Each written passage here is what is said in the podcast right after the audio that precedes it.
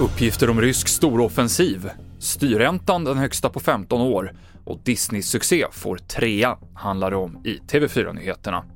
Men vi börjar med att berätta att tre dygn efter de stora skalven är chanserna nu små att hitta fler personer vid liv i rasmassorna i Turkiet och Syrien. Över 16 000 är bekräftat döda, många saknas fortfarande, men det är svårt att få en överblick. Ryska styrkor har påbörjat en ny storoffensiv i östra Ukraina, hävdar den USA-baserade tankesmedjan Institute for the Study of War, som uppger att trupperna attackerar ukrainska försvarslinjer med ökad intensitet i både Luhansk och Donetsk. Vår utrikeskommentator Lisa Grenfors förklarar varför man lägger viss tyngd vid de här uppgifterna.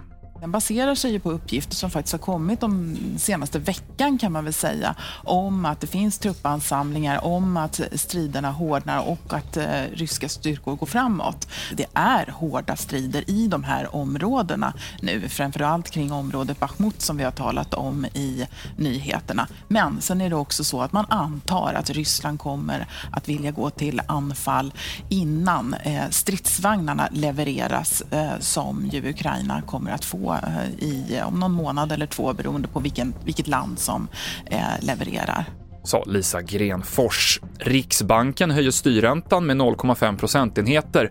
Den ligger därmed på 3,0 procent, vilket är den högsta nivån sedan 2008. Riksbanken skriver också att det sannolikt blir fler räntehöjningar under våren.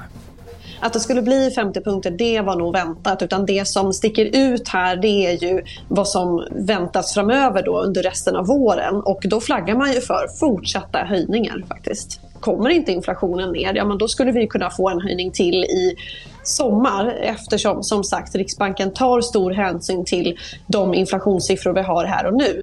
Frida Bratt, sparekonom på Nordnet.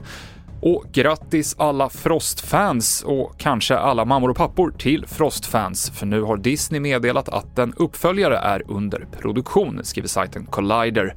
Något releasedatum för Frost 3 är dock inte satt. Även en ny Toy Story-film är på gång. TV4-nyheterna med Mikael Klintevall.